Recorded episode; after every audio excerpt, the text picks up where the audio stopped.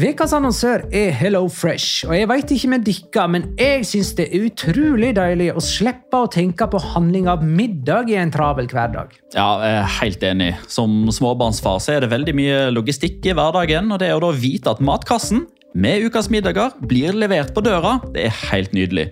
Da slipper du impulskjøp på butikken når blodsukkeret er lavt, og når du kommer hjem, kan du bare ta ut posen med dagens ingredienser fra kjøleskapet og sette i gang matlaginga. Ja, du kan velge mellom 25 ulike retter hver uke. Og de har faktisk en egen kategori som heter Raskt og enkelt, med masse enkle og gode oppskrifter. Veldig greit å ikke måtte ty til takeaway hver gang det er hektisk på jobb.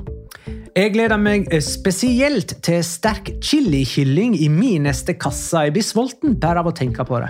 Ja, Det er ikke feil med bacon og cheeseburger heller, da. Og det som også er bra, er at matkassen koster det samme hver uke, som gjør det enklere å holde matbudsjettet. Ja, og så blir det ikke matsvinn heller, fordi du får akkurat det du trenger til hver eneste rett. Hello Fresh kan absolutt anbefales, og bruker du koden vår, LIGALOCA, kan du få opptil 1779 kroner i rabatt på de fem første matkastene hvis du ikke har prøvd Hello Fresh tidligere.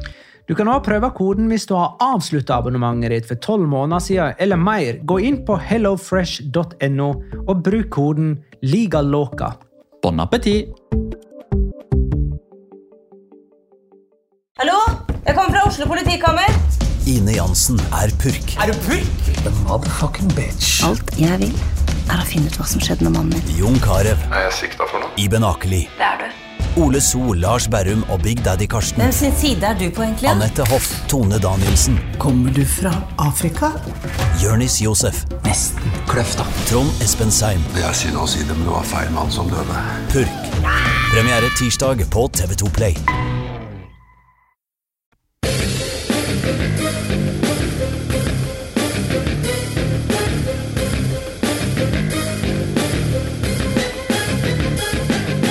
Har du sett? Vi tok turen til Madrid i helga, for der spilte både topplag som Barca og Atletico, bunnlag som Leganes og Rayo, og middelhavsfarere som Real Madrid.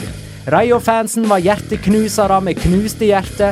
Atletico-fansen gikk til krigs mot en keeper, mens Madrid-fansen var sinte på alle unntatt en brasiliansk junior.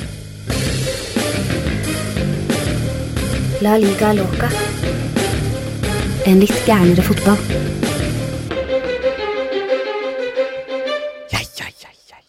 Vi måtte jo gjøre noe spesielt til vår ordinære episode nummer 50. Med meg, Magnar Kvalvik, hei.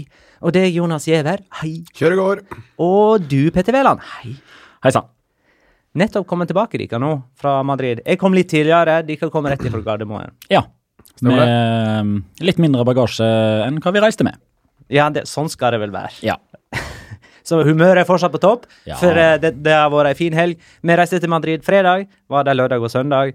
Eh, tilbake i dag mandag. Det er seint mandagskveld. Eller seint og seint. Vanligvis er vi jo her klokka sju. Nå er klokka kvart på ti. Eh, og så besto jo da lørdagen av tre Madrid-kamper. Først eh, Leganes Atletico. Så Real Madrid Valladolid. Så Rayo Vallecano Barcelona. Fullstappa lørdag. Ja da. Eh, perfekt timing med kampoppsett for oss fotballglad. Det ble jo eh, Altså, selve helga og serierunden ble jo markert ganske tidlig, når man så at det var eh, tre Madrid-lag som spilte hjemme samtidig, og det var mulighet til å se både Barcelona og Atletico Madrid spilte på bortebane i Madrid. Så det var en veldig spesiell serierunde sånn i utgangspunktet, og så var vi veldig, veldig heldige. Vi hadde maks flyt med tanke på hvordan kampene var lagt opp. Så vi begynte jo klokka ett på Botarque i eh, Leganes. Eh, Kasta oss inn i henholdsvis eh, taxi, taxi og bilen til Sid Low. Kjørte til Santiago Bernabeu, så kamp der. Eh, og tok eh, metroen til eh, Vallecas og avslutta kvelden der. Eh, så denne episoden må handle først og fremst om de kampene som gikk i Madrid. Men det skjedde andre ting òg eh, i eh, denne La Liga-runden. Eh, vi har ennå ikke sett ferdig Español Atletic. Eh, men utover det så var det mye som vi òg skal ta tak i. Eh, eksempel en bråte med lag som ikke vinner heimekamper, deriblant eh, Valencia. Ja. Er det andre ting som jeg må komme på? Det var mye var, har jeg forstått. Denne helga her. Jeg har ikke fått sett alle kampene sjøl, men det var mye sånn videodømmingssituasjoner som eh, Ja, altså, vi, vi hadde jo et håp om at vi skulle få oppleve VAR live. Ja, det skulle Ja, det skjedde jo ikke det. Så vi, vi var på kamp nummer én i denne serierunden. Ingen VAR.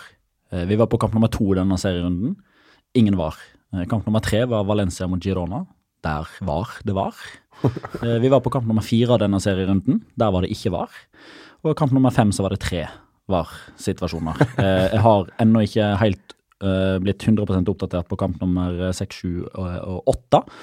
Eh, Så der kan det hende at det har vært noe. Så var det vel ikke var, Jo, det var VAR i eh, Betis mot eh, Celta. Ja, det var det. Eh, og så tror jeg ikke det har vært noe i Español Atletic til nå. Så vi har vært eh, uheldige sånn sett. For det, for, apropos dette, så, så gledde jeg meg litt til det der å, å være fullstendig i villrede på tribuner. Altså det å, å se en situasjon og ikke tenke over at det her var noe spesielt som skjedde, og så når det ble da stopp i spillet, så skulle det gå lang, lang tid.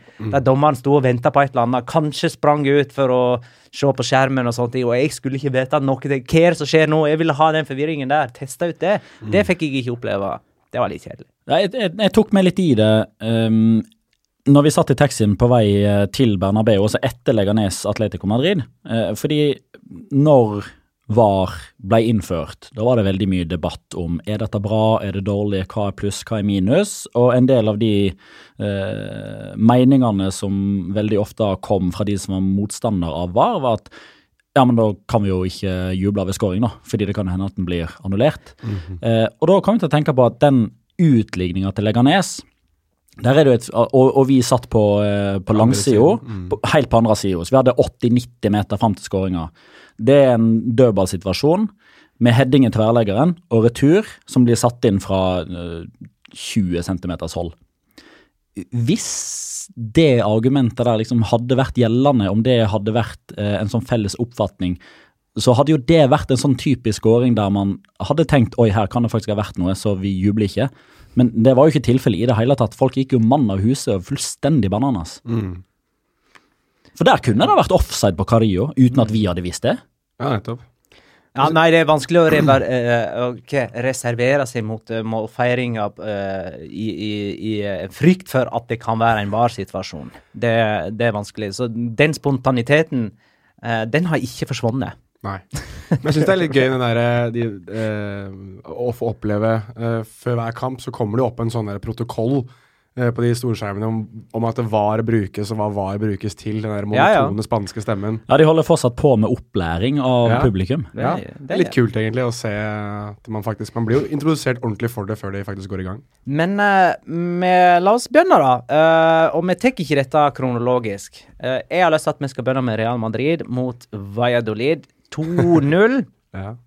Eh, det stoppa rekka uten seier i eh, La Liga for, eh, for Real Madrid. Fem kamper uten seier. Den sjette så skulle det altså skje.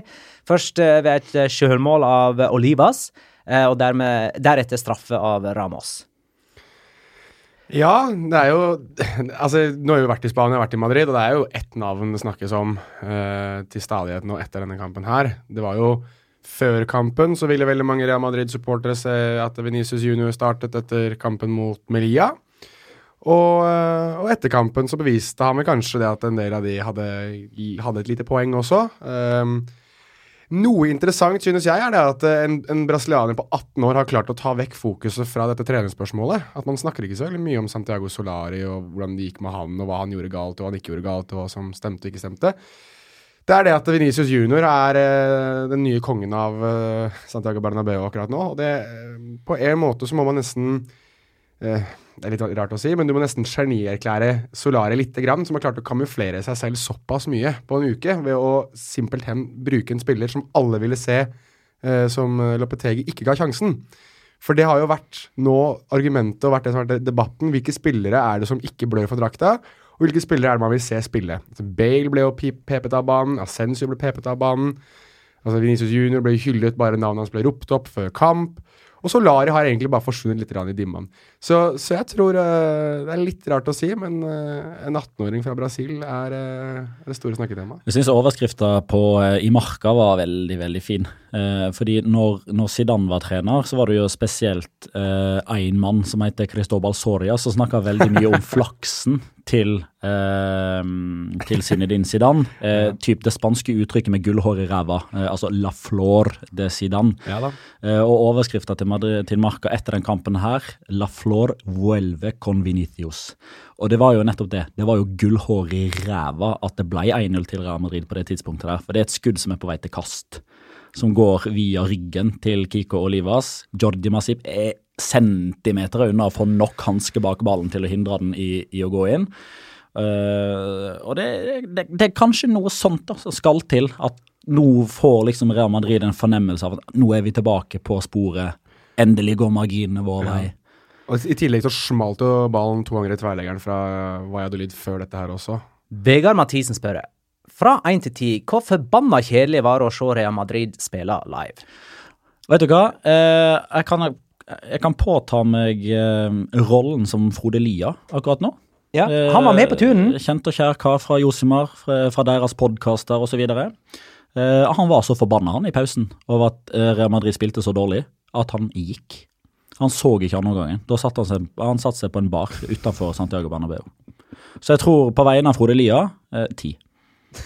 Og egentlig også på veiene. altså det var ikke noen Jeg satt, satt jo med Vishe Kumar, som er en uh, svoren Real Madrid-supporter, og han uh, hadde mer underholdning med å se på han gærne bestefaren som satt til venstre for oss, som sto og hylte og skreik og klappa kompisene sine i både i ansikt og skuldre, og hylte og skreik om hvor grusomt elendig alt sammen var rundt seg. Jeg syns ikke dette var kjedelig. Eh, av eh, et par grunner. Én, jeg syns Valladolid var kjempegode. Ja jeg synes det var stor stas å se Valladolid spille med så stoisk ro uh, og den enorme uh, Det var uh, selvbeherskelse på høyt nivå av Valladolid. De, de tok det rolig og skjønte tidlig at dette her møter vi et lag vi faktisk kan spille ut tidvis. Og I tillegg så satt jeg bak denne supportergruppa, de som står i hvitt. Er det, heter de for, fortsatt Ultras Sor? Ja. Ja. Kall dem det. Altså Grada-fans eh, Ja.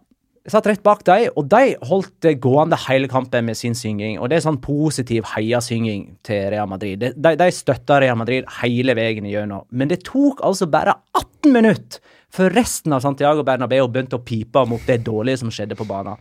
Og hvis noen tror at uh, dette med kravstort Real Madrid-publikum er en myte, så er det feil. Eh, bare sånn for å ha det på plass. De er kravstore, og de, de krever underholdning. Etter 18 minutter får ikke de det, så sier de ifra. Jo, men tro Og det var fascinerende, bare det. Men tror du de hadde PP etter 18 minutter på stillinga 0-0 mot Valladolid etter de første 18 minuttene hvis de hadde vunnet de fem kampene i forveien? Nei, nei, men eh, Nei, det veit jeg ikke. Det er hypotetisk. Eh, Det som er greia, er at når laget sliter, så, så får ikke de med seg publikum. Nei. Det, det er bare Ultrasor de får med seg, for de er der hele tiden. Resten av fansen, de skal ha et humør som Real Madrid-laget gir dem. De skal ikke Ja. påføre Real Madrid-laget De er der for å bli underholdt. Rett og slett. Men slik er det Og, og, og, og å kreve. Vi skal snakke litt om, om Rayo Vallecano etterpå, men, men slik hvis du sammenligner Vallecas og Santiago Bernabeu, da, så er det jo litt mer det at det er supporterne som skal skape atmosfæren på de, på de mindre arenaene hos de mindre lagene, og så er det klubbene som skal, eller laget som skal skape atmosfæren for supporterne, som da skal gjengi det på de store arenaene. Altså, jeg har vært på jeg har vært sesongkortinnehaver, jeg sier det i gåsetegn, for jeg lånte et sesongkort på Old Trafford. Akkurat samme opplegget der som på Santiago Bernabeu. Jeg opplevde akkurat det samme på Camp Nou, og jeg har vært der. Altså det er Man kommer, som Petter sier helt riktig, man kommer for å bli underholdt mer enn at man skal underholde seg selv og dele noe med, med de rundt seg. Jo, men det, det er tidligere, så syns jeg, et 18 minutter det, Jeg føler at Ja, publikum publikum følte et behov Ja for å uttrykke misnøye, og ikke bare si sånn 'Nå blir ikke vi underholdt'. Men det kommer av konsekvensen, som Petter sier, at de vinner jo ikke kamper. De har vært elendige. Ja. Og de har verdens beste spillere i så ekstremt mange posisjoner, og så spiller de så elendig fotball. Det gjør de, altså. Det er, nå har vi sett de levende levende live. Nå nå Ja, kan- da, Og de får ikke mer enn 18 minutter heller. Nei, det, men på en måte, når du har vunnet Champions League tre år på rad, og du har vært i laget du har vært, og, og har levert den fotballen du har gjort, og kommer fra en epoke som er helt ekstrem i Real Madrids historie, til og med til dem å være, så på en måte så skjønner jeg det litt, da. Men det er jo litt også fordi at du, du setter lista så vanvittig høyt for, for prestasjonsnivået ditt, og når du da du har den spilleren ute på banen der som mest sannsynlig kommer til å vinne gullballen. Det betyr noe for disse supporterne her. Altså, du har talenter i alle mulige hold. Du har den spanske landslagskapteinen. Du har eh, hva er han for noe? Verdens dyreste tenåring som sitter på benken og ikke får spille.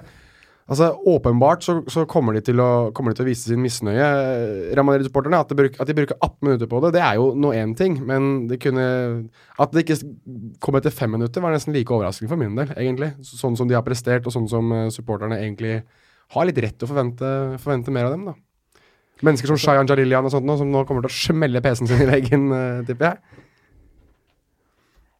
Eh, kan ja, de var, de var liksom så De var så ukritisk begeistra for Vin Venicius, da. Eh, så han skaffa jo straffe, var ikke det, var ikke det han som ble feil? Nei, han Nei, det var Benzema, sendte pasningen til Benzema. Ja, men det var iallfall sånn eh, eh, I kor, alle sammen. Vini, Vini, Vini, Vini om å ta den straffen som Ramos følte han skulle måtte mm, ta, fordi at han hadde blitt bua på òg, og fikk en slags revansj ved å ta en panenka. jeg var- jeg syns det der var en spesiell opplevelse. Det var ikke kjedelig i det hele tatt. Men blir, men jeg, Og, si og en av grunnene til at det ikke var kjedelig, er at man kan være kritisk til hvordan Real Madrid spiller fotball om dagen. Der mangler det kreativitet. Men for å si noe om dette her, dette jaget etter Venicius Junior. Det, det er litt sånn som hvis du er sultefòra, hvis du er dritsulten, og noen gir deg typ en sånn der tørr Ritz-kjeks, så kommer du til å mene at det er den beste Ritz-kjeksen du har spist. Du vil ha en til, du vil ha mange flere, du vil spise Ritz til du blir gæren. Men hvis du nå er på tredje-fjerde året med, med Ritz-kjeks, så smaker det tamt, ikke sant? Da vil du ha noe nytt. tror jeg trenger bare tredje-fjerde dagen med Ritz. Ja, nå, nå sa jeg tredje-fjerde fordi Real Madrid har vunnet i tre-fire år og prestert så bra. ikke sant? Du vil ha noe nytt. Du vil ha noe som gir no Ja, jeg, for jeg, jeg sa det før sesongen at Real Madrid måtte ha noe nytt blod. De måtte ha noen som gir mer sult, gir mer entusiasme. Men det har du ikke fått. Hva tenkte dere når det liksom har gått sånn 60 minutter? Valladolid hadde to baller i tverrlegger. Eh, Real Madrid sleit med å skape fine åpninger. Hva tenkte dere da med sånn Har de noe spennende på benken? K hvem er det som kan komme inn og snu dette her, eh, dette kampbildet? Fikk dere noen følelse der? Nei, altså Folk ropte jo på Venicius, så det var jo vanskelig å ikke tenke på han.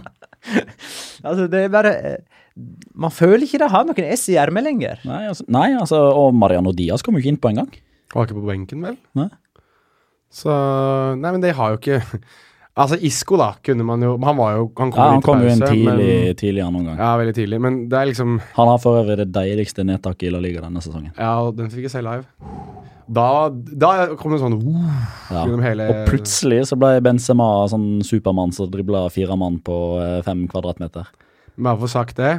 Det var rett, det var rett etter 1-0, så da så man liksom sjøltilliten med en gang. Men jeg må få sagt det, at det var Mange snakker om Venicius og, og kanskje det, veldig mye av det fine eh, som man fikk se fra Real Madrid, men jeg føler meg privilegert som har fått lov til å se Karim Benzema skape rom live, altså. Det, det var eh, altså, det- Abrahamsen lurer på hvor mange flere poeng kunne Madrid hatt med en spiss i ypperste klasse?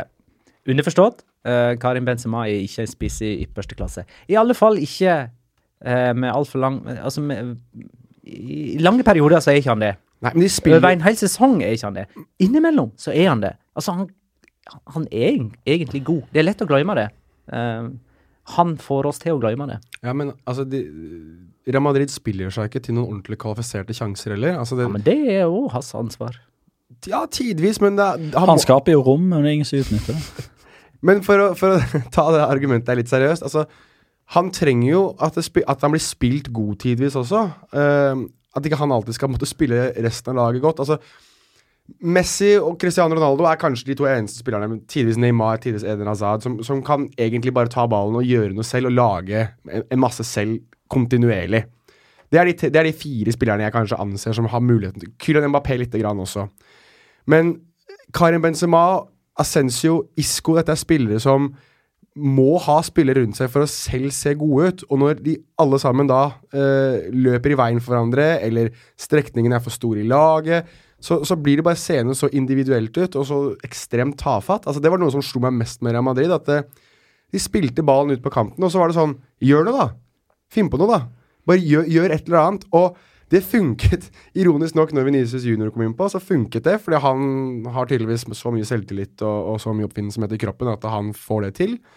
Men, men, men det, var så, det var ikke noen motsatte bevegelser. Det var ingen som prøvde å, åpne, åpne rom for hverandre. Det var, det var generelt sett veldig individualistisk og, og tafatt å se Real Madrid i angrep. En ting som jeg la veldig merke til, eh, og det var altså spesielt på 0-0, det vil si gjennom store deler av kampen, det var kroppsspråket til Kroos og Modric når de slo slo feilpasninger. Da var det alltid sånn Slo, slo liksom ut med hendene, brukte de et sekund. Eh, om, om det var sjølransakelse eller om det var oppgitthet over at eh, eventuell mottaker ikke løp i det rommet de mente at han skulle løpe. Det er jeg litt usikker på. Men eh, i hvert fall det ene. Jeg tror kanskje begge. Eh, jeg må si at jeg er ikke helt sikker på dette, for jeg har ikke fått sett kampen i opptak ennå. Men i hvert fall ett av tverrleggerskuddene til Vajodolid kommer som konsekvens av at Tony Cross står med hoftefeste og lurer på oi, hva skjedde her, i stedet for å ta returløpet. Tony Cross uh, tvitra i går søndag We won a league game yesterday.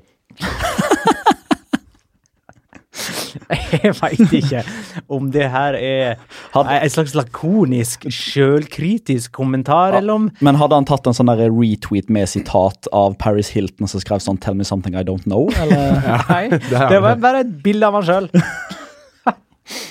Tony Cross, altså. Han har jo en tendens til å uh, tvitre om eh, Robbie Williams, eh, men eh, denne gangen så handler det om Real Madrid og deres ligaseier. Eh, vi har jo gjerne vært inne på tidligere at eh, nå uten Ronaldo så, så eh, kan det frigjøre liksom mulighetene for Benzema og sånne som Bale til å ta ansvar. Og, men eh, Barcel lurer på har Ronaldo maskert svakhetene deres. Det syns jeg er et kjempegodt spørsmål. Og jeg vet ikke om de, han har maskert uh, svakhetene deres, men jeg tror uh, Cristiano Ronaldo har maskert litt det at uh, Eller han har i hvert fall gjort det enklere for andre å ikke ta ansvar. Ikke sant? Fordi at hvis han skårer 1-0 mot Getafe i det 80. minutt, så glemmer man alle sjansene Benzema ikke skapte. Ja, eh, altså, ja, jeg er helt enig i at det er, en, eh, det er et godt spørsmål eh, som, som krever en diskusjon. Eh, men jeg føler liksom Jeg føler det kanskje hadde vært enda mer relevant hvis Cristiano Ronaldo hadde forsvunnet fra Real Madrid i la oss si 2014. da. Ja. Fordi altså, de siste i hvert fall to sesongene, kanskje òg tre, så har jo veldig, veldig, veldig mange av målene til Cristiano Ronaldo kommet på bakgrunn av at lagkameratene har gjort veldig mye av jobben. Så om, de, om han har maskert svakhetene, det veit jeg ikke. Han har i alle fall bevist det vi allerede visste, og det var at han, han var den desidert beste avslutteren som de hadde. Og når han er borte nå, så er det en nivåforskjell som kanskje er litt større enn hva vi trodde. Det er vanskelig å si at Gareth Bale ikke har kvalitetene til å liksom prege et Real Madrid-lag, basert på det han presterte i Tottenham og for så vidt tidvis i Wales. Det er bare det at det virker som Real Madrid får det beste ut av han. Eller at han rett og slett aldri har klart å føle seg hjemme i Madrid. Bale, Bale, det er sånn som du, kan, du liker jo å skrive ned ting jeg melder. Det her, nå, dette, Vi sa jo det siste sesong. Nå, Melding! Nå, nå legger, jeg, legger jeg hodet ordentlig ved blokka. At det, neste sesong spiller ikke Gareth Bale i Real Madrid. Ja, den eh, Nei, men nå er, nå er det sånn, ja, er det sånn er- helt jeg, det, det Jeg kan ikke være noen vei tilbake. ned, men det der er nesten opplagt, altså. Det I- er, Men det var det i fjor òg. Det var jo opplagt i fjor også, men nå, altså, nå er jeg sånn som, sånn som han nå opp, har opptrådt i denne sesongstarten her, og sånn som pressen skriver om ham, sånn som supporterne er, er rundt han, selvfølgelig, Det kan endre seg hvis de vinner Champions League igjen, men da må Bale skåre nok et brassespark i en Champions League-finale og bare redde alt og dunke ballen i mål fra 35 eller 25 eller hva det var for noe han gjorde for noe nå sist Champions League-finale. Han må gjøre det igjen, uten Cristiano Ronaldo for at, skal, for at han skal overleve dette. Og det gjør han ikke. Og der kan du legge enda en ting. Real Madrid kommer ikke til å vinne Champions League sånn som de holder på nå. Og jeg, jeg ser ikke noe forbedringspotensial akkurat nå. Ja, men der kan du legge inn i forbeholdet at uh, hvis Real Madrid nå vinner Champions League, så kan du si at uh, ja, men de vant det ved ikke å spille sånn som de holder på nå. Nei, men jeg står Ja, du, på du det. kommer ikke, de kommer ikke til å vinne Champions League, eller de kommer ikke Full til å vinne stopp. Full stopp. Ja, Full stopp. det, da, det er mer konkret. Full stopp. Men uh, hvis vi skal ha en julespesial i La Liga Loca, uh, eller eventuelt bare den, den siste, uh, den siste podkasten vi har i kalenderåret 2018, så må du ta en recap nå, sånn at vi kan gjøre opp status på de meldingene som Jonas har ja, ja, med. ja dette Du har er jo, du? Ja, ja. Men jeg har hatt en melding som er riktig. Allerede. Ja, det har du. Ja, men jeg er mest bare nysgjerrig, for jeg tror jeg har glemt veldig mye av det du har meldt. Nei, jeg har skrevet opp eh, Jeg har samla det i et eh, dokument. Ja, og det det han har hatt rett i, det var at Lopetegi ikke kom til å sitte ut hele sesongen. Det sa han eh, Ja. allerede i en VM-spesial, tror jeg, ja. under VM. Eller Eller rett før sesongen. Lurer på hvor mange jeg har tatt feil på. Sånn, det må være den ene riktig. Og så er alt annet er feil. Ja, det er litt dumt at vi begynte å skrive ned disse først denne sesongen. Men nå går vi videre. Ja, gjør det, så gjør det. Rayo Barcelona 2-3. Oi, ja. Hvor begynner man? Ja, jeg sleit litt med det sjøl. Jeg sa jo nettopp at Valladolid var kanongode mot, uh, mot uh, Real Madrid. Men Rayo, de var gode, de. Fra, fra 30 til 85 Ja. så var de mye bedre enn Barcelona. Ja, jeg kan ikke erindre så mye av den kampen her, eh, egentlig. Sånn spesielt. ja, men da tenker du på stemningen eh, og sånt, kanskje? Eller var du, Nei, jeg var du brisen? Nei, Var, jeg, var, nei var ikke du på jobb? får jeg, til å, jeg må få lov til å svare på spørsmålet her, da. Ja. Jeg, jeg hadde jo klart å sette meg nede eh, sammen med alle supporterne på ene, på, i det ene hjørnet der. Eh, jeg tror Når jeg sjekker billetten min igjen, så tror jeg jeg gikk feil. Jeg, jeg Du gikk feil. Ja. Ja. Ja, Du skulle sittet sammen med oss, du. ja, jeg skulle gå opp, opp på tribune, tribuneplass oppe, men jeg gikk ned og satte meg ved siden av alle supporterne. Og da var det jo to gutter ved siden av meg som satt og, og som man sier på godt norsk, røyka en spliff. Og det var det en kar bak meg som gjorde også. Pluss at det var en liten unge som hylte alle mulige stygge spanske ord i øret mitt uh, hele første omgang. Og På et tidspunkt der så var jeg så høy at jeg ikke visste om jeg var på Vallecas eller Vennesla. Så jeg fikk ikke med meg noe særlig av det som foregikk ute på banen, for jeg var så borte. Ehm, men eh, jeg så ikke målet til Luis Suárez, fordi da var det en svær, feit kar som skulle hilse på alle sammen eh, på tribuneplass der, som blokket sikten min. Og så fikk jeg med meg at det ble skåret et mål andre veien òg. Jeg så ikke hvem det var, jeg måtte spørre om det i pausen. For da hadde jeg da vel tre Vallecano-supportere hengende over skuldrene mine, og denne ungen som hylte 'Lostia! Lostia!' hele tiden. Så eh, opplevelsen min av uh, Vallecas var, eh, var, var jo kjempegøy. Det var jo noe av det villeste morsomste jeg har vært med på. Men jeg kan ikke si at det nødvendigvis var fordi jeg fikk med meg alt som skjedde ute på banen. Ja, det, var, det var fullt, bortimot i alle fall. Eh, og bak der i målet ser er jo boligblokker. Eh, der det sto folk på balkonger, og noen hang Ja, ut av rute og veiva med flagg. Um, og det var rett og slett et bra trøkk. Der er det jo på, på Vallecas så har du jo ei, ei supportergruppe bak det ene målet som er helt fantastiske og Ja. synger hele eh, kampen igjennom. Men de får gjerne med seg resten av eh, stadion òg. Ja, det rista jo i stadion Ja. eh, på et tidspunkt. For den er skummel, den stadion der. Han kan bryte sammen når som helst. Det som er så kult med Rayo-fansen, en av de altså en av de sangene eller ropene som de er kjent for, det er jo Alas Armas. Eh, fordi da, eh, da danner de et bilde av at eh, de sjøl er liksom eh, typ, eh, en, altså, typ hæren. Eh, og de forsvarer sin stadion. Eh, og de har jo da kun to langsider, én til høyre for seg og én til venstre for seg. Så de, så de kjører da først uh, en, eh, en, en type form for hilsen da, til den tribunedelen som er til høyre for de, og så svarer de tilbake igjen. Og så de til venstre, så svarer de tilbake igjen. Og mye av teksten går jo på det at de to langsidene, da, er jo, det, det, det er liksom frontlinjene. Uh, de går i krigen for å forsvare eh, hovedfansen da, som står og synger. Det er jæklig kult, for da blir, da blir hele stadion med. Ja, det er dritmoro. Generelt sett, altså, det, det, det var synging og hoiing og skriking og alt mulig fra, fra start til slutt, egentlig. Altså, hvis det er en, hvis det er en supportergruppe den, øh, altså den turen her som skal ha tommel opp og stjerne i margen og det som er, og som jeg må anbefale folk å dra og oppleve, så må det være supporterne til Rayo Vallecano på Vallecas. Vi hadde flere ja, som ble med oss på turen, som ble nyfrelste. Det var fire nye Rayo-supportere, det. Og Rayo Barca, sånn stemningsmessig, tribunemessig, den største opplevelsen jeg har hatt. Og jeg har hatt både El Clásico og Madrid-derby og Sevilla-derby. Der har du den. Men kampen var jo fantastisk òg, da. Altså, det, litt trist for Rayos del, men Men det som òg var så kult, det var at når Barcelona skåret 2-2, så var det liksom De var oppgitte og skuffa og sinte i kanskje fem sekunder, maks ti. og så- Og så var det på'n igjen. Boom. Og akkurat det samme på 2-3. Mm. Da var de kanskje skuffa i ti sekunder, i 10 sekunder, da, eller maks 15. Og så var det på'n igjen. Mm. Kjøregård. en stadion der det var vanskelig å finne fram på. Eh, Jonas gikk feil, eh, men kom seg inn. Frode Lia gikk feil, men kom seg inn. Og han kom seg til alt overmålet inn da blant den mest hardbarka Rayo-fansen bak det ene målet. Og blåste opp eh, ballonger i forkant. Det gjorde han. Eh, jeg veit ikke helt hvorfor du nevnte det. Det var jo gøy, det. Oh, ja. Men altså, jeg Rayo-fansen har jo eh, av og til noen ballonger som de kaster ut på banen. Oh, ja. Frode Lia blåste opp noen av de. Oh, ja, OK. Ja.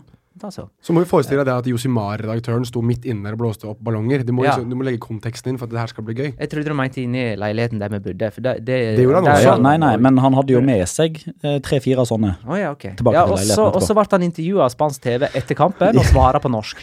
Og engelsk. Eh, og for å si det sånn, det ble kutta bort. Nei, Jeg veit ikke om det kom på TV eller hva det gjorde. Nei, det gjorde ikke Det det, gjorde vi satt og så på. Tilbake til kampen. Leo Locca uh, Skal vi se Sergio Roberto og Jordi Alba, Jordi Alba har ti assist til sammen denne sesongen. Elleve hvis man tar med selvmålet til Polido. Hva syns dere om bekkene til Barca, og hvor viktige er de? Det må jo være det laget som bruker bekkene sine mest og best. De gjør sånn som Real Madrid gjorde for to sesonger siden. Uh, fordi Ja, ja, ja, sånn, ja. Ja, for jeg husker jeg var og kommenterte eh, Real Madrid mot Dortmund i siste gruppespillskamp. Eh, høsten, tidlig vinter 2017 må vel det ha vært. Nei, 2016. Desember 2016 må det ha vært. Og da havna jeg eh, med en tilfeldighet eh, i heisen ned til mixed zone etter kamp, eh, sammen med Raoul og Ernan Crespo.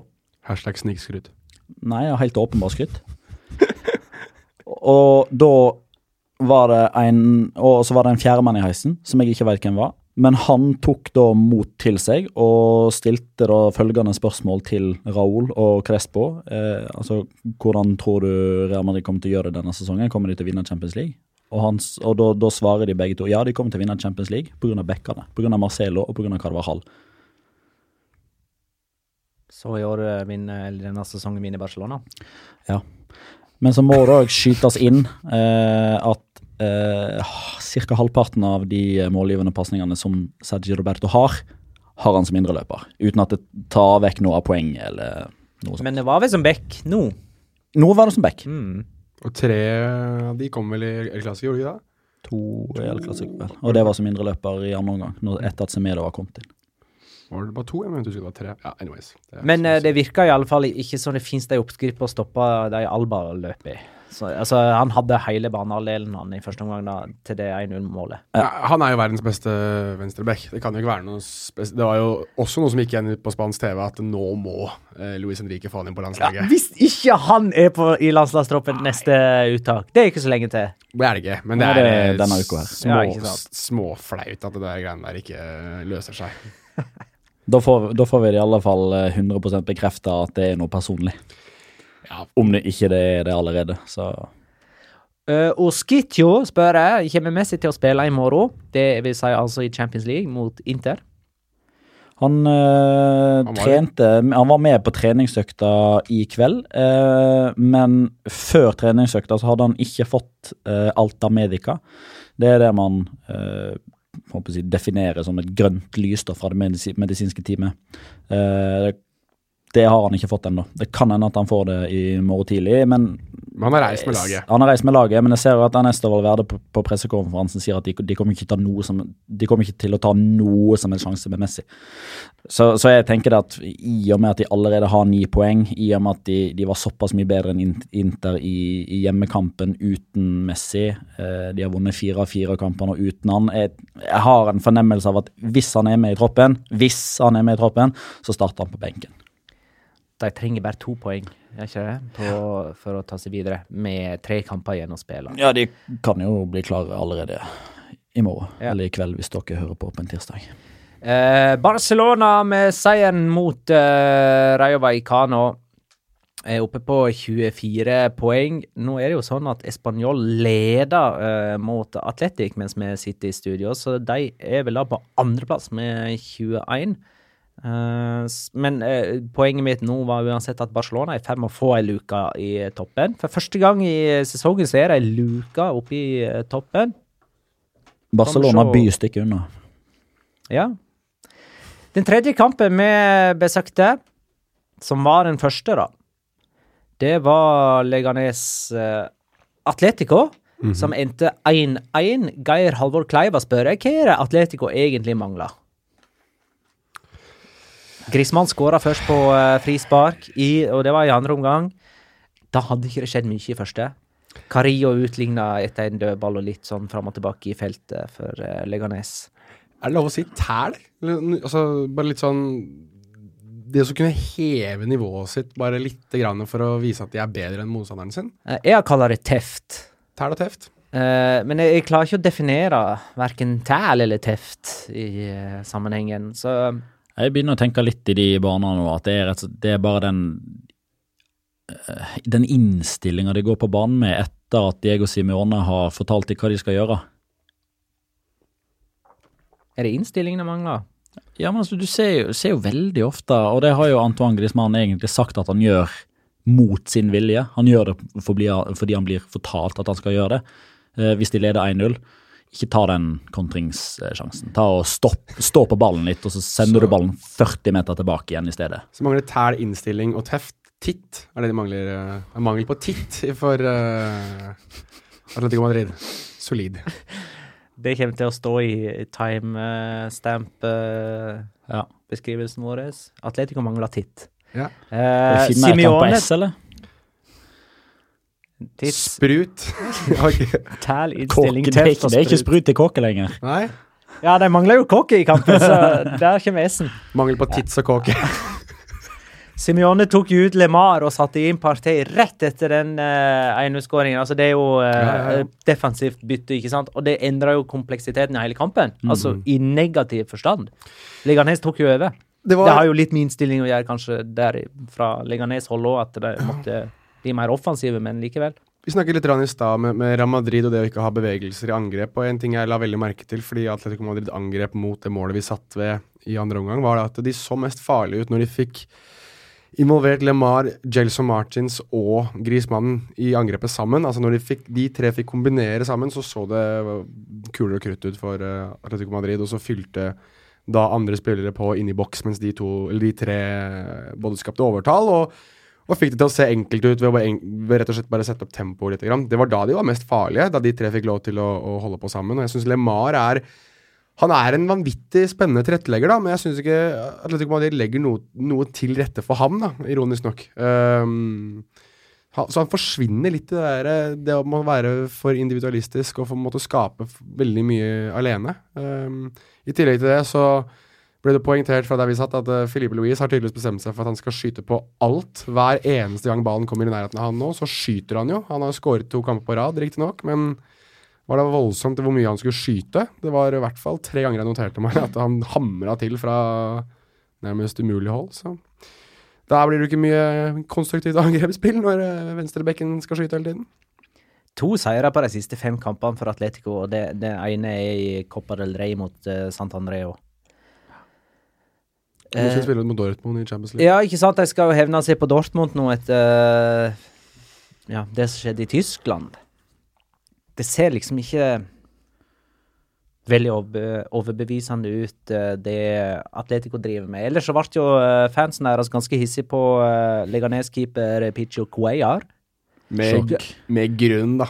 Uh, var det på stillingen 1-1 at eh, Atletico hadde et skudd der ballen gikk på tribunen, og så spratt han tilbake på banen, og så hedda Cuellar den til, opp igjen på tribunen? Yes! Da var det Atletico-fansen hadde fått nok. Altså. Altså, den, den kom ganske fort også, og han, liksom, han tok skikkelig sats og hevda den tilbake opp på tribunen. Det var mye, Ja, var mye rart. som for- Griezmann sparka jo ballen ut av stadion også en gang. Ja, Eh, Det gjorde han òg. Så det Og så var det liksom eh, Jeg husker ikke farten hvem det var som lå nede. Men Ja. det, var, det var en Leganes-spiller Ja. som fikk eh, veldig vondt. Kenneth Omerud. Kenneth Omerud var det. Eh, og Ivan Cuellar da sprinter 30 meter, og så steller han seg ja, kanskje sånn fem meter unna med hendene på ryggen og, og roper et eller annet. Eh, altså Det er liksom Det er umulig for oss å vite helt eksakt hva det var, men, men det var liksom bare Ikke reis deg opp. Bli sittende. Ligg nede. bruk tid. Og så spankulerte han tilbake igjen. Og så Og når, og når kampen var ferdig, så var det en Ivan Cuellar i provoseringshumør som eh, gikk målretta mot Atletico Madrid-svingen, småjogga litt grann, og kjørte sånn der fist bump mot de. Og fikk han svar på tiltale igjen. Men uh, Leganes-supportere som hyllet han av banen. Pichu, Pichu. Mens uh, Atletico Madrid-supporterne var da i fyr og flamme. Fikk dere nytt noe bocadillo? Det gjorde Ja. vi. Selvfølgelig gjorde vi det. Med bacon og ost. Bacon og ost. Fikk både bacon og chili. Er du sikker på at ikke det var den der svinegreia, eller eh, grisekjøttet? Jeg hadde baconost, ja. Jeg fikk eh, bare sånn bacon, og det var ikke noe godt. Det var skuffa. Nei, men da har du bestilt feil. Det kan ikke Nei, jeg men det gikk for. veldig fort for chorizoen. Ja, den gikk, Ja, den gikk fort. det var tomt før kamp. Ja, det var jeg skuffa over. Jeg fikk heldigvis det, Det var jo en av oss som hadde kjøpt to, uh, så da fikk jeg og, og Vishu fikk eh, overtatt han til å la oss få den ene, så vi delte en. Pluss at vi da delte en annen som jeg hadde kjøpt med bacon. Så da hadde vi liksom en halv med bacon og en halv med chorizo. Det var uh, fortsatt uh, Gud selvs eget uh, gastronomiske underverk som uh, entret uh, kjevepartiet på unge rever. Skal vi hoppe videre til Valencia-regionen? Har litt lyst til å snakke om det jeg kjenner. Der går det ikke så bra. Eh, det beste laget i Valencia, som alle vet, er Levante. De kjemper om europaplasser, mens eh, Valencia og Villarreal kjemper for å beholde plassen i eh, La Liga. Eh, Villarreal vant 1-1. Um, et lekkert sjølmål der av yndlingsspilleren vår, uh, Fonis Mori. Eh, og så sikra Og Hvem var det som skåra for Villarreal på tampen der? Det, det var ei perle. Alfonso Pedraz. Ja, ei perle som sikra uavgjort på slutten. Og hvor langt nede er en klubb når en utligning på overtid mot Levante redder trenerens jobb? Gjør det det? ja? Alt, Altfor langt ned. Ja, det, altså, Altså, det hvis han ikke har fått sitte i nå- Det blir jo hevda i media at den skåringen der, Ja, ja. Det, det gir Calleja ei uke til. Blir det hevda? Seriøst? Ja, ja. Ja, men det er jo altså, altså hvis, eh, hvis eh, Fernando Roj skulle ha gitt eh, Javier Calleja fyken, så hadde han jo gjort det nå. Da hadde denne avgjørelsen vært tatt allerede, et døgn etter den kampen. Så han sitter mot eh, Rapid Wien på torsdag, Unnskyld at det og Raye Vallecano på søndag. Og Valencia Girona 0-1! 0-1! Eh, Jakob Berge spør hvor lenge sitter Marcellino, Valencia-treneren.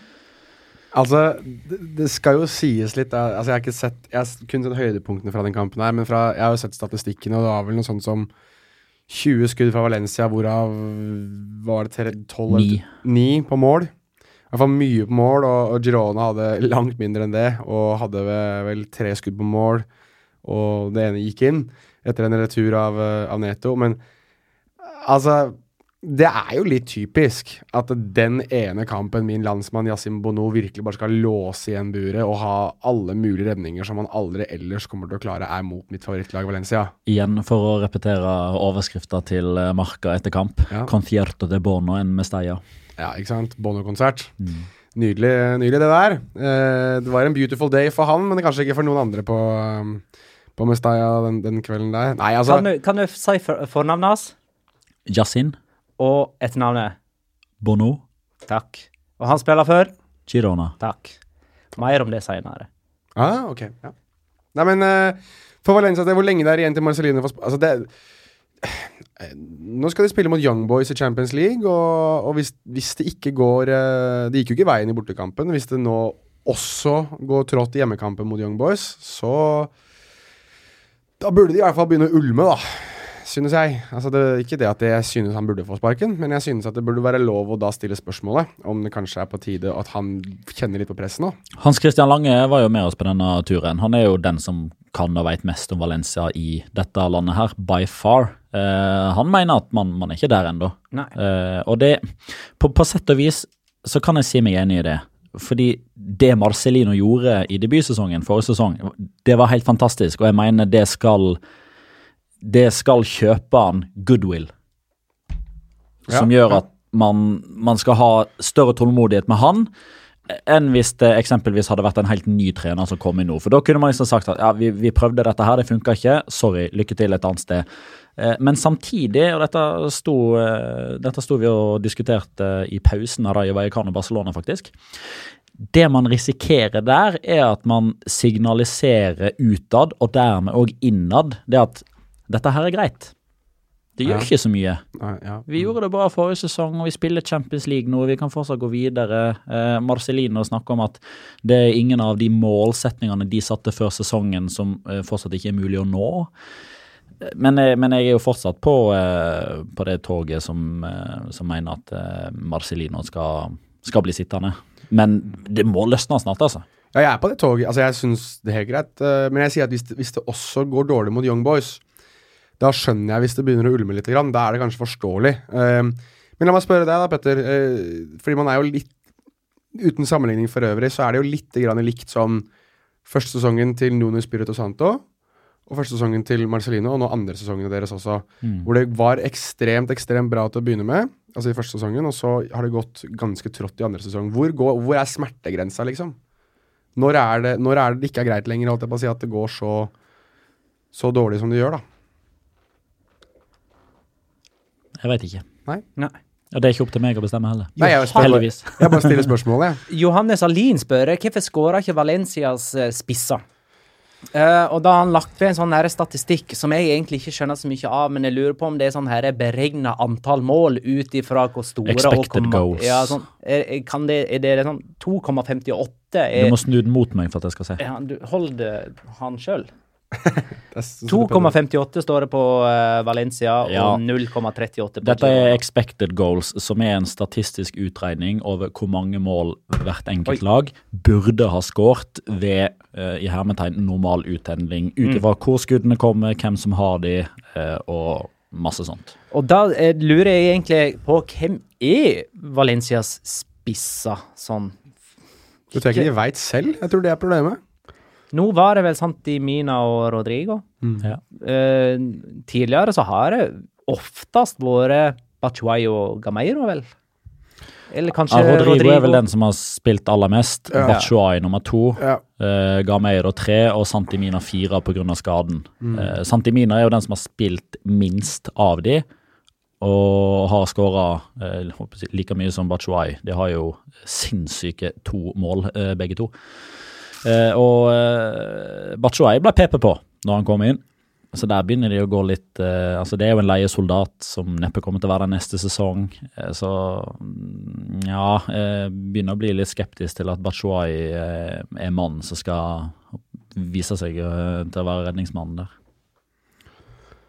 All right. Uh, jeg tror vi tar eh, de øvrige kampene nå. Um,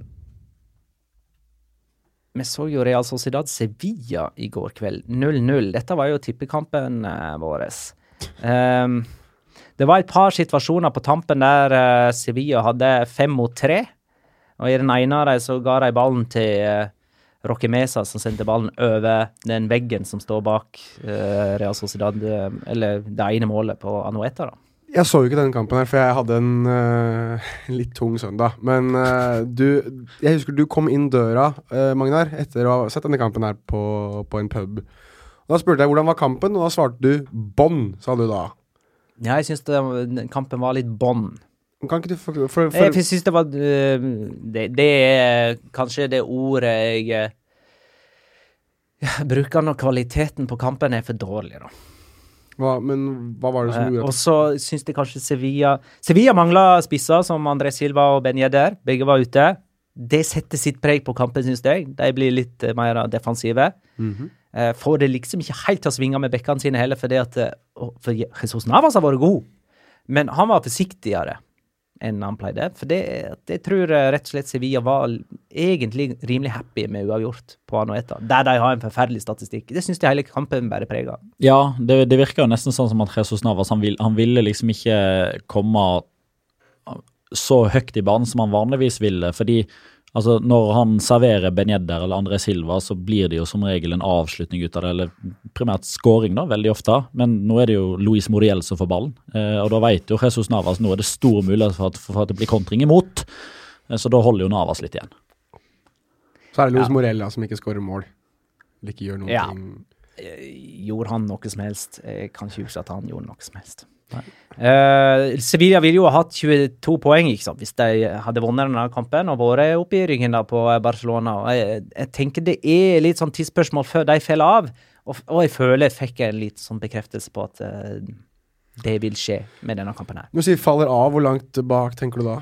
At de skal kjempe om Champions League-plass, tenker jeg. Fjerdeplassen, liksom? Mm. Ok. Eh, Så får vi heller se. Real Betis Celta Vigo gikk senere på kvelden. Da våkna folk. Sesongens beste kamp. Ja. 3-3 endte det. Fabelaktige skåringer, fabelaktig kamp. Enorm dramaturgi, ettersom eh, Real Betis, heimelaget, faktisk skåra i første omgang. Hey. Første gang i årets for eh, et mål. for der. Ja. For et mål! eh, Årets mål. Ja. Ja, det er lag, Hvis du tenker på et lagmål, Ja, ja. definitivt. Giovanni Lo Celso uh, Helspark som eh, målgivende. De leder altså 2-0. Celta Vigo kom tilbake. Maxi Gomez er en god spiller. En sånn som Real Madrid kunne tenkt seg som en nomini. Eh, og snudde kampen til 3-2. Dansk assist på 2-3. Ja. Andre julesager. Helt ute i kulden. Han Har vært involvert i tre kamper på rad. Og så utligner altså Canales med et strøkent frispark fra ganske så langt hold. Og så holder Aspas nesten på å kopiere i motsatt ende to minutter etterpå. Treffer til. Det var en morsom fotballkamp. Ja. Akkompagnert med veldig god mat. Spiste det samtidig. Lomo, entrecôte Ja. Uh, Eibar Alaves 2-1. Det var den uh, videodommerkampen der, uh, var ikke det det? Det er- der, det det- fikk ikke jeg sett, da. Det er så nydelig at det kommer VAR-bonanza i hver eneste Eibar-kamp. For José Luis Mendilibar, han hater VAR. Han Stemmer hater VAR. Stemmer det. Eh, dette var jo en kamp jeg tenkte La Ligas nest beste lag skulle vinne greit. Alaves var jo nummer to før denne runden, men de tapte altså, og er helt nede på fjerdeplass nå. Men bare i, i forlengelsen av det at Mendeliba hater VAR, eh, så skal det òg tas med at eh, Pablo de Blasis eh, han fikk jo direkte rødt kort eh, for en takling som eh, Som kom som følge av at man hadde sett på videobilder. Og Pablo de Blasis, eh, etter at han liksom har typ roa seg og gått av banen, så sier han et eller annet til fjerdedommer, og så kommer José Luis Mendeliba og deljer til han to-tre ganger på ryggen og peker bort på monitoren. Litt typ 'De har sett det på video! Kom deg i garderoben!' Ja, det var sånn, ja. Det jeg glemte jeg å nevne, men det gule kortet til Jaume Costa for Villarreal mot eh, Levante, kunne det ha vært rødt, eller? Det har jeg ikke sett. Nei. Er det en sånn Mario Ja, Gaspar-variant? nei, ikke karatespark, men sånn her eh, sklitakla med to sett med knotter rett mot uh, motstander, eh, type helt ned ved cornerflagget. Så det virker som uh, både, altså de to bekkene til Viareal har evna til å få gult kort der de skulle hatt rødt, sjøl med videodømming på plass. Men uh, ja, ja. Kan jeg eh, Det gikk jo litt, for, litt raskt forbi den ene kampen her nå, da. Men eh, Antonio Mohammed eh, Ja, Celta Vigo? Han ble jo utvist. Mm. Eh, ja det ble det. For en Jeg skjønte ikke hvorfor han ble utvist. Han feira jo bare hemningsløst på stillinga Nei, han, han, han, eh, han hadde klagd noe voldsomt på disse ballguttene som eh, hadde kasta baller ut på banen når eh, Betis leda. Eh, og så fikk ikke Celta-spillerne ballen når, eh, når Celta leda. Han ble jo utvist etter Nei, det var bare dårlig klippet av El Chiniguito. Var det det? Han ble ikke utvist for feiringa. Ok, ja, nei, han blir iallfall utvist. Jeg vil, men, er, Treneren til Celta Vigo der. ja, altså. men er han en nå også som beholder jobben sin en uke til? ja, og- det må han jo Ja, men de, ja, men de, har, de har jo kommet på riktig kjøl igjen. De har jo vært gode nå de siste to-tre kampene. Ja. Ja, nei, Jeg bare husker at vi var så sikre på at eh, Eller vi var ikke helt sikre, men vi trodde at han var mannen som skulle gå. Snart. Til, til og med før Lopetegi snakket de om at han skulle vekk. Så hvem er, de, hvem er de vi har igjen da, nå, som er sånn på stupet? Det er Calleja, åpenbart. Er det den eneste? Ja, så har jo Hans Christian Lange gitt eh, Marcelino fri eh, fra press i noen måneder. Eh, Så da er det vel Mohammed og Kajeha vi venter på, da. Ikke det? Ja, Mitchell da, i Rayo, men samtidig så er han er fortsatt såpass populær. Og han òg har liksom spart seg opp veldig goodwill fordi han er en klubblegende, og han rykka opp med det i forrige sesong. Eduardo Berizzo hadde fått fyken i alle andre klubber enn Atletic, men de sparker ikke trener underveis, med mindre de plutselig bytter policy på det. Uh, Uesca Chetafe 1-1. Endre skriver Villdyret Damian Suárez har endelig våkna. Etter bare å ha fått ett gullkort på de første sju kampene, har han nå fått gullkort i fire kamper på rad. Det er Mer sånn som uh, That's more like it. Yeah. Klarer han å få 14 gule kort òg denne sesongen? Ja. Svaret er ja. Uh, jeg vil jo tro han går for 15 og får tre kamper karantene. Ja. Eller kanskje han får det 15 i Han siste får- serierunde. Han, får- han får det 15 i nest siste serierunde, sånn at han får litt tidlig sommerferie. Kan reise hjem til Uruguay. Det er ikke helt umulig. Gené også fikk gult kort den kampen her. De to kommer til å ta som ferie, de. De to, altså. Skal vi ta uh, runden spiller, da, eller? Det kan vi gjøre. Er det ikke du som har den, Magnar? Det er jeg som har runden spiller. Eh, og dermed så må vi gjøre dette med mest mulig diskresjon. Uh, for uh, jeg skal nå kåre en rundspiller spiller uten å nevne navnet hans eller klubben han spiller for. Jeg er ikke overtroisk, det er ikke jeg. Jeg har ikke tro på at mine kåringer av runden spiller er, har forheksende kraft, men nå tar jeg altså ingen sjanse likevel. For nå har jeg hatt to rundens spiller-kåringer, for det går jo på rundgang her i eh, studio. Første jeg kåra til rundspiller var Benzema, som fortjente det den gangen. Med, da skåra han to mål i sin andre seriekamp på rad og var skikkelig god. Siden så gikk han altså fem kamper uten så mye som et skudd på mål. Ingen målgivende, skapte knapt nok sjanser. Hele laget presterte plutselig skikkelig ræva, og treneren fikk sparken. Det neste jeg kåra til rundens var Lucas Hangalli, angriperen på Real Sociedad. Og da er ikke det morsomt lenger. Det betyr ingenting at Real Sociedad ikke har vunnet en eneste kamp siden da. Det som betyr noe, er at Lucas Hangalli faktisk fikk hjerneslag forrige uke. Det skal ikke være mulig. Eh, jeg klarer liksom ikke å Han Eh, men det er tragikomisk. Det må jo jeg, jeg har fått vite at Jeg har forstått det sånn at han er frisk, eller ikke frisk. Han er på bedringens vei. utskreven fra Ja. sykehus, for han ble innlagt der. Eh, og jeg nevnte jo, Da jeg kåra han til rundspiller, så nevnte jeg jo storebror hans Marco Sangalli. Som, eh, dette var jo apropos det hvor lenge du er et ungt, lovende talent. Marco Sangalli er eh, 26. Jeg mente Luca Sangalli er sånn cirka innafor fortsatt eh, merkelappen ung og lovende. Men Marco Sangalli spiller altså for Alcorcon i sekunder Segunda og skåra for dem nå i helga, og markerte det med å holde opp ei drakt i Lukas Hangali sitt navn mens han grein. grein. Så eh, jeg kårer nå runden spiller ved å nevne at fornavnet hans minner om etternavnet til en russisk keeperlegende, og etternavnet hans minner om eh, artistnavnet til sangeren i popgruppa U2. Og at han spilte en meget god kamp på Mestalla for bortelaget. Ja. Nå kan det ikke gå galt, kan det det? Vi får se. Vi får se. Det Du kan også nevne at han, er, at han har samme nasjonalitet som det jeg har. Halvveis, i hvert fall. Hvis Ja, vi skal kanskje ikke nevne nasjon eh, det er snakk om for, for å hindre at det går galt der òg, liksom. Nei, nei, herregud. det- Der har det jo gått så dårlig så mange år at det er man vant med. Har vi Locora, da? Ja, det må vi nesten ha. Skal du ikke si noen ting om uh, denne Du skal ikke, du har ikke, ut, skal ikke utbrodere noen ting om uh, hvor god han var? Nei, tør ikke. Nei, det er egentlig helt forståelig. Takk for det fra alle oss. Jo, det jeg må si! Animo Luca. Animo Luca. Animo Luca. Ukens La Liga Locura. Locura. Locura. La Liga Locura. Noen som har lyst til å begynne med Locora 1? Petter kan starte, han. Jeg kan starte. Eh, vi snakka jo om eh, Valencia litt, eh, litt tidligere i, eh, i podkasten, og om hvor mye ting har forandra seg eh, fra en sesong til en annen. Eh, og bare for å sette litt tall på det, eh, så har jo Valencia nå spilt 15 kamper denne sesongen. De har vunnet to. De har spilt ti uavgjorte og tapt tre. Det er første gang noensinne noensinne i klubbhistorien at Valencia kun har vunnet to av sine første 15 offisielle kamper denne sesongen. For ett år tilbake så eh, hadde Valencia spilt 15 kamper, 11 seire og fire uavgjorte. Og da var det første gangen i klubbhistorien at de hadde null tap på de første 15 kampene. Så de har altså gått fra tidenes beste sesongstart til tidenes verste sesongstart. Kan, kan jeg ta neste? Er din eh, Locora Valencia-relatert, eh, Jonas? Nei, det er den ikke. Det er min. For jeg har jo en serie med forsvarsspillere som ikke har flyten.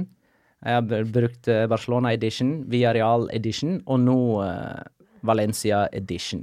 For det som skjer når de slipper inn uh, målet mot uh, Girona, det er at det kommer et skudd. Du har vært inne på det, Jonas.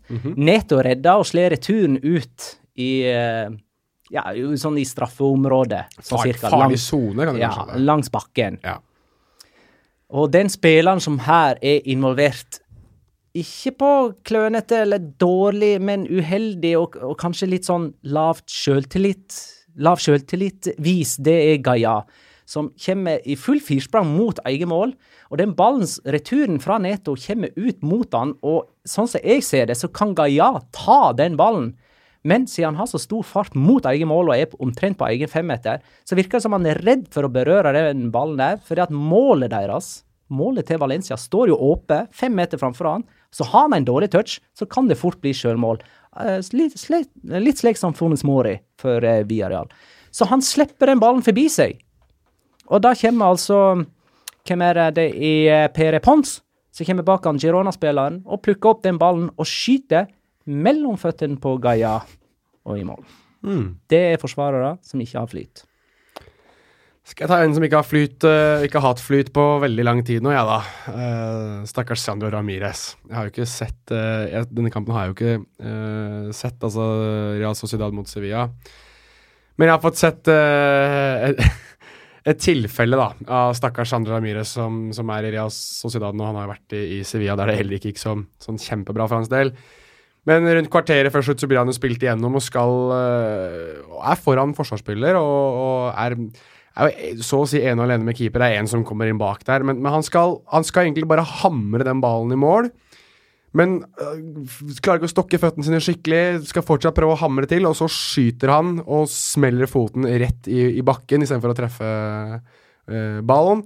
Han øh, har jo så mye fart og kraft i den høyrefoten sin at han tipper jo over selv. og Ser jo nesten ut som han holder på å brekke foten, stakkar, der han hamrer til i, i gressmatta. Sett det én gang før, eh, og det var jo også en kar vi har sett live nå, Arturo Vidal, eh, som spilte for Bayern München mot Real Madrid eh, i Champions League for noen år siden.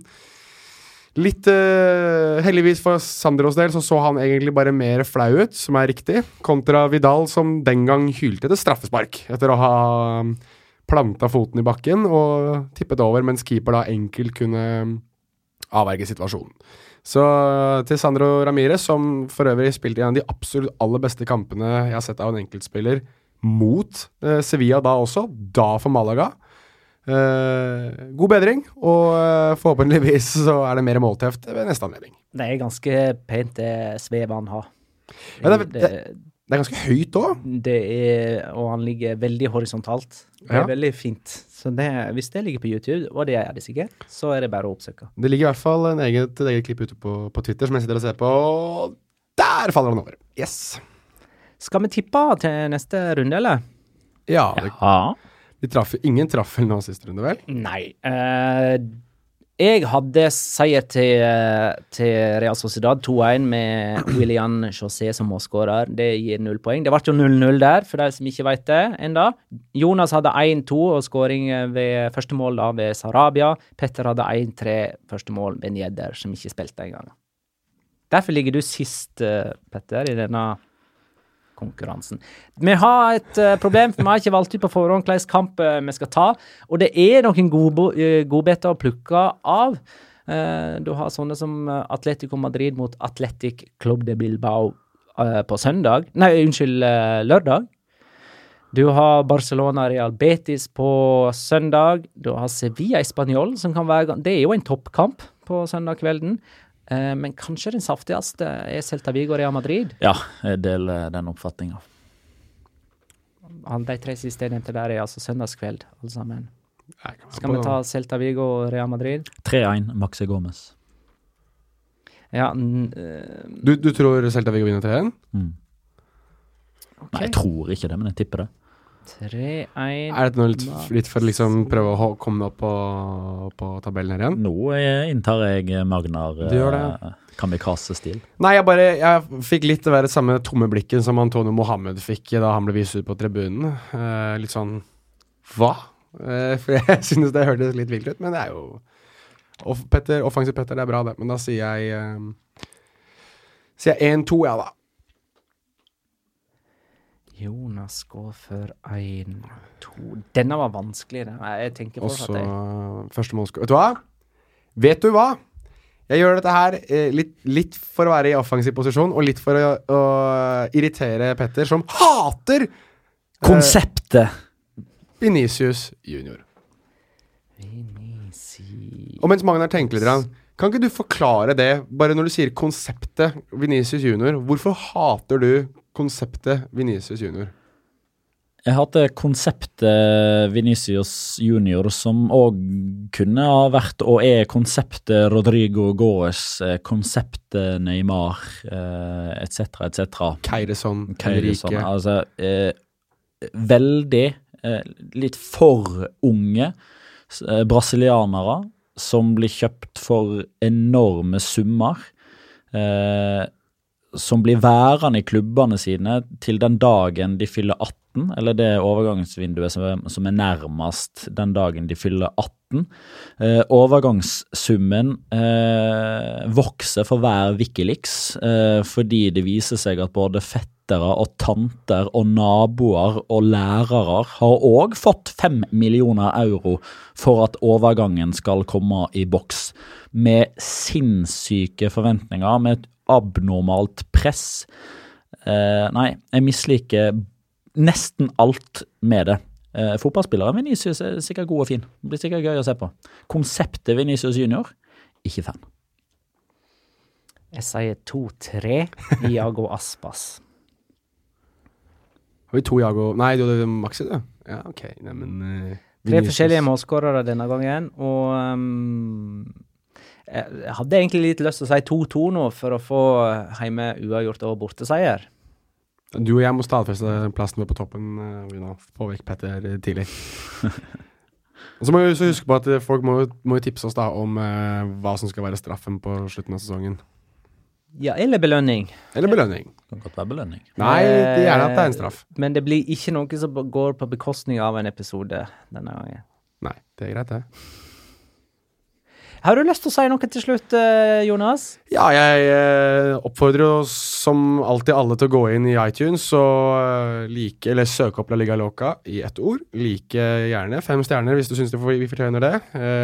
Gjerne skriv en liten kommentar. Det hjelper oss med å vokse og gjør at vi til slutt forhåpentligvis får en plass når folk klikker inn på podcaster. For jeg er drittlei av å se den samme rekka av de samme podcastene hele tiden. Jeg, vet at det endrer seg hvis det er aktivitet rundt den podcasten man eh, man liker og man kommenterer. Så, så Syns, vi, det er bra. Syns vi eh, har en fin posisjon. Ja, jeg, vil at, jeg vil at flere skal følge og høre og se. Jeg, altså, jeg, vil, jeg, vil være, jeg vil bidra til at enda flere får med seg denne fantastiske ligaen, den fantastiske fotballen. Så nå må eh, folk opp i ringa. Lik, kommenter. Send videre til mor, far, besteforeldre, tanter, onkler, grandfettere. Alt mulig rart. Få dem til å like, få dem til å kommentere. Få dem til å elske spansk fotball. Akkurat like høyt som det vi gjør. Ja. Og ellers så syns dere har vært veldig flinke så langt, eh, folkens. Både med likes, kommentarer og ikke minst innspill og spørsmål til hver episode, sånn Yes. som denne gangen. Tusen takk Kjør og til alle som var med til Madrid. Det var Hæ? minneverdig. Eh, tusen takk for at du lytta, kjære lytter. Ha det, da.